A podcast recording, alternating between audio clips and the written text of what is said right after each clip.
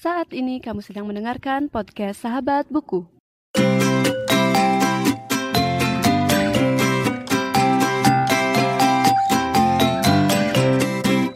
Halo semuanya dan selamat datang kembali di podcast Sahabat Buku.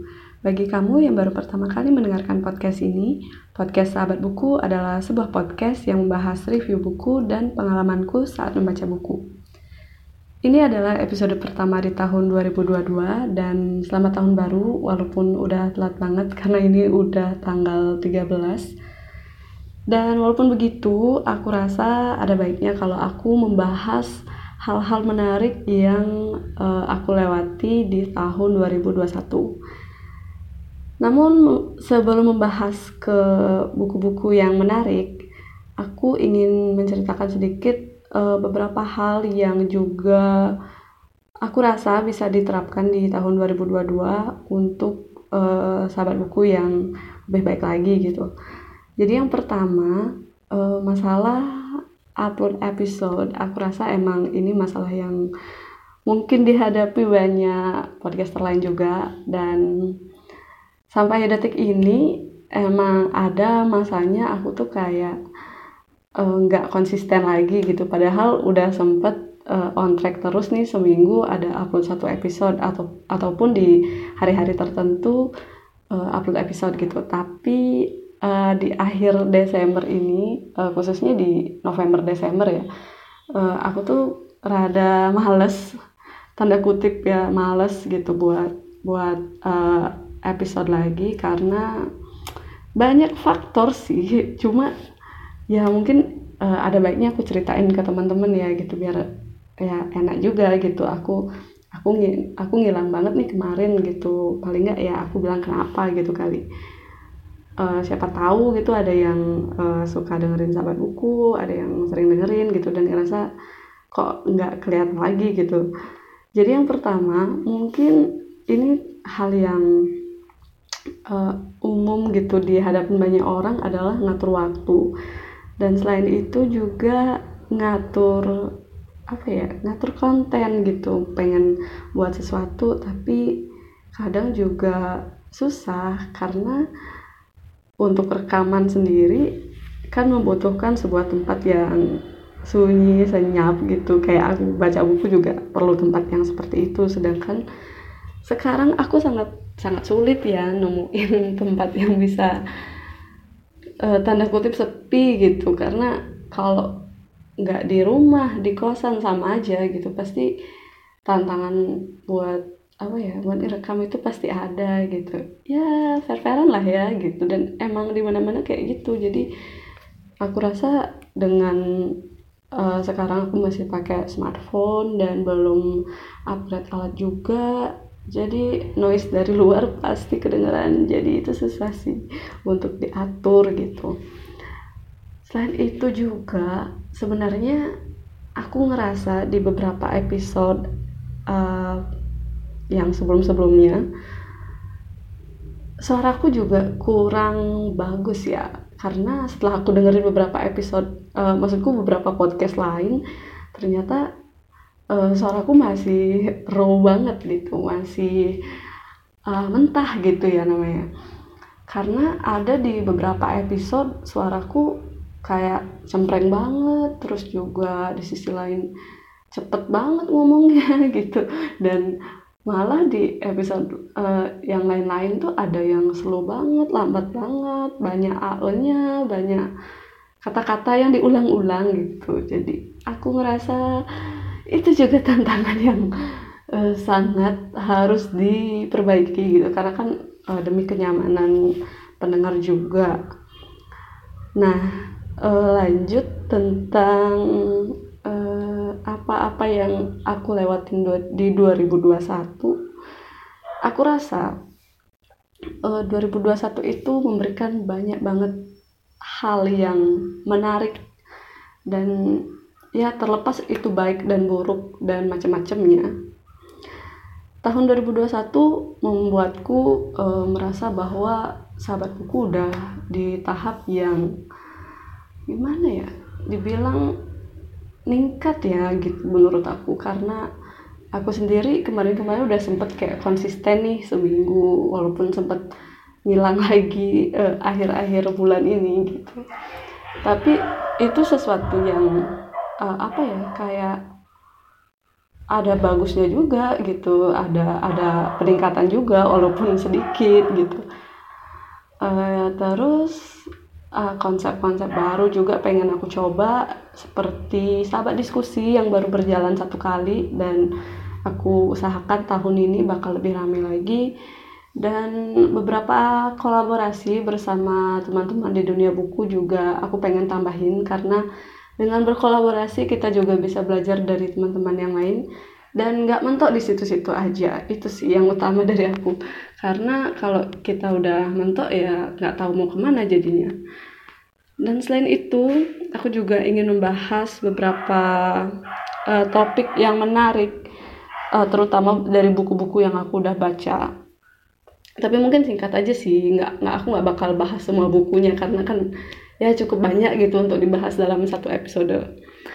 Yang pertama adalah uh, dari catatan yang aku buat di bulan Januari. Di bulan Januari aku membaca buku-buku dari Wood Writer and Readers Festival karena aku sempat beli paketannya gitu. Dan di sana aku mengenal banyak nama-nama penulis baru yang baru aku tahu maksudnya. Jadi buku buku-buku itu memberikan aku uh, banyak cerita-cerita yang bagus, terutama untuk cerpen-cerpennya karena aku lebih ya buat aku pribadi gitu lebih lebih cenderung bisa baca cerpen gitu. Kalau baca puisi itu lebih membutuhkan waktu gitu nggak tahu kenapa lah gitu. Tapi uh, tahun ini juga aku cukup banyak membaca buku puisi dan aku mulai mengenal puisi lebih dekat Nah, itu sih yang aku uh, baca di, di tahun 2021 bulan Januari. Dan lanjut di bulan Februari aku membaca buku-buku yang sempat aku review juga seperti Laut Bercerita karya Lila Eskudori, uh, buku Yuduyu karya Felix, Felix Sandro Ruby, maaf. Dan aku juga membaca serial Supernova di Februari dan bulan Maret. Selain itu juga di bulan April misalnya aku membaca buku-buku dari penulis-penulis uh, luar negeri seperti George Orwell uh, karya karyanya yaitu Animal Farm yang seperti juga aku udah bahas di episode sebelumnya. Aku juga membaca buku dari Anton Chekhov uh, berjudul Tiga Tahun dan di bulan Mei aku cukup gimana ya cukup banyak juga membaca buku fiksi dan ya rata-rata aku membaca banyak fiksi ternyata tahun ini uh, salah satu buku yang udah aku review juga adalah kumpulan budak setan karya Eka Kurniawan, Intan Paramadita dan Ugoran Prasad. Mungkin ini salah satu buku favoritku di tahun ini ya karena cerita-ceritanya seru banget gitu. Kalau kamu pengen tahu lebih banyak mungkin bisa dengerin episode tentang itu.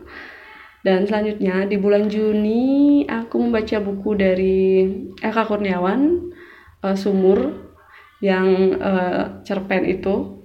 Dan aku juga membaca buku dari Desi Anwar berjudul Offline di mana salah satu buku favoritku juga. Karena selain memberikan insight yang ya aku pengen pelajarin gitu. Karena uh, seperti yang aku sebutin di episode-episode sebelumnya aku punya kecenderungan untuk uh, ingin hidup minimalis gitu dan offline ini ya salah satu buku yang uh, ngasih insight tentang gimana kita nggak terlalu sering main sosmed gitu.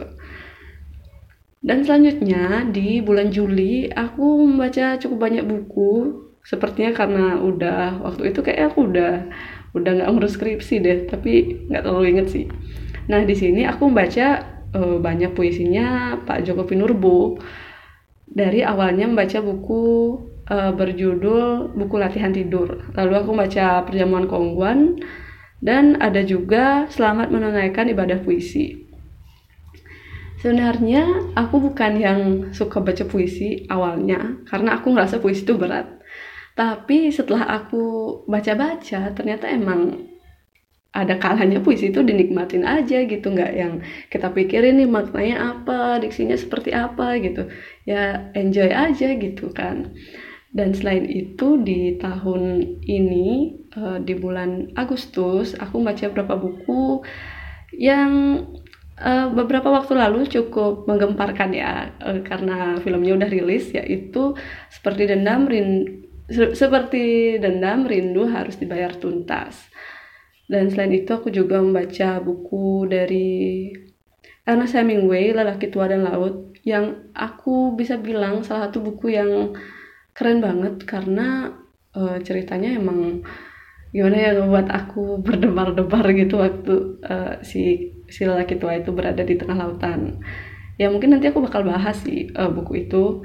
Dan di bulan September aku membahas uh, aku membaca beberapa buku yang bisa dibilang uh, dari nama-nama baru juga. Seperti uh, aku membaca bukunya Pak Sapadi Djoko Damono uh, yaitu buku puisi ayat-ayat api. Dan selain itu aku juga membaca buku dari Tahar Benjelon uh, berjudul Dalam Kobaran Api di mana buku ini uh, gimana ya aku bacanya cepet banget karena juga mungkin bukunya cukup tipis ya. Tapi ceritanya itu benar-benar mind blowing banget sih. Karena mengisahkan seorang lelaki yang uh, membakar dirinya gitu mungkin teman-teman tahu sih itu ceritanya. Itu diambil dari kisah nyata uh, sekitar tahun 2011 deh saya ingatku. Uh, mungkin kalau teman-teman mau aku bisa bahas bukunya juga. Dan di bulan Oktober aku membaca cuma tiga buku. Jadi yang pertama itu adalah Sang Putri dan Sang Pemintal karya Neil Gaiman. Uh, selanjutnya membaca bukunya Mark Manson dengan judul Segala-galanya Ambiar dan membaca buku dari Desi Anwar lagi berjudul Hidup Sederhana. Nah, mungkin yang uh, memiliki kesan yang cukup kuat ya bukunya Mark Manson ya, segala-galanya ambiar itu memberikan aku pandangan tentang gimana ya jadi seorang manusia gitu ya gimana aku bacanya tuh kayak ngerasa emang ngebaca filosofi gitu tapi nggak yang nggak yang berat banget gitu nggak yang uh, sampai membingungkan itu enggak. Tapi lebih ke ngebuat aku jadi mikir gitu jadi manusia tuh kayak gimana gitu sih. Dan selanjutnya di bulan November aku membaca buku-buku yang menarik karena uh, di sini aku membaca buku dari Ayu Utami yang berjudul Larung uh, lanjutannya Saman jadi apa-apa yang aku pertanyakan di buku Saman tuh aku, aku dapat jawabannya di buku Larung gitu. Dan aku juga akhirnya membaca buku-buku Asia. Salah satunya yang berjudul Almond uh, karya Son Won Won Pyung dan juga Ferris Wheel at Night karya Minato Kanai. Jadi kenapa aku ngerasa ini menarik banget? Karena sebelum-sebelumnya aku belum pernah membaca buku fiksi dari penulis Asia gitu, yang dari Jepang, Korea, ataupun uh, China. Jadi mungkin aku bakal uh, explore lebih sih untuk buku-buku ini karena uh, dua buku pertama yang aku baca uh, kayak impressionnya bagus banget di, di aku gitu. Dan selanjutnya di bulan Desember aku membaca cukup banyak buku juga dan salah satu yang menarik adalah buku berjudul Membicarakan Feminisme karya Nadia Karimah Melati yang nantinya juga aku akan bahas di episode selanjutnya. Dan selain itu aku juga membaca buku uh, dari Imam Budi Santosa berjudul Seni Mencipta Puisi. Nah, karena aku udah sempat baca beberapa puisi dan kepengen coba nulis nih. Jadi aku membaca buku ini dan coba mempelajari gitu uh, puisi-puisi yang menarik dan juga enak dibaca gitu. Jadi uh, bisa dibilang di setiap bulan uh, di tahun 2021 aku membaca buku-buku yang uh, cukup berbeda dari buku yang aku baca di tahun sebelumnya dan aku memasukkan beberapa nama penulis yang juga karyanya baru pertama kali aku baca di tahun ini. Mungkin tentang buku itu dulu ya karena selanjutnya mungkin aku akan bahas buku-buku yang aku baca ini di episode episode episode selanjutnya. Dan uh, semoga bisa lebih menarik lagi karena aku pengen nyoba untuk uh, menggabungkan beberapa gimana ya hal-hal menarik yang masih terkait sama buku.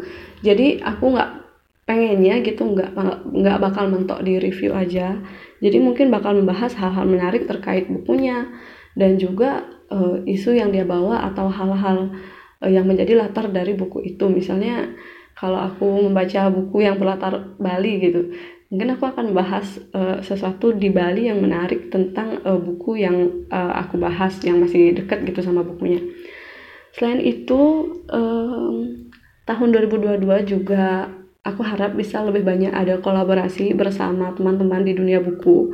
Karena dengan adanya kolaborasi kita juga bisa apa ya semacam uh, cross audience gitu. Jadi aku bisa Eh, mengenalkan sahabat buku ke teman-teman yang belum tahu dan juga teman-teman juga mungkin uh, punya apa ya kayak konten yang belum ditahuin sama pendengarnya sahabat buku kita bisa saling cross audience gitu selain itu juga semoga makin banyak juga teman-teman yang uh, mulai rajin membaca buku entah itu buku apa pun yang kalian suka atau kalau kalian gak suka baca buku yang mungkin membaca berita membaca artikel yang menarik dan semakin menambah wawasan. Itu sih uh, tujuan yang uh, dipengenin sama sahabat buku dari dulu.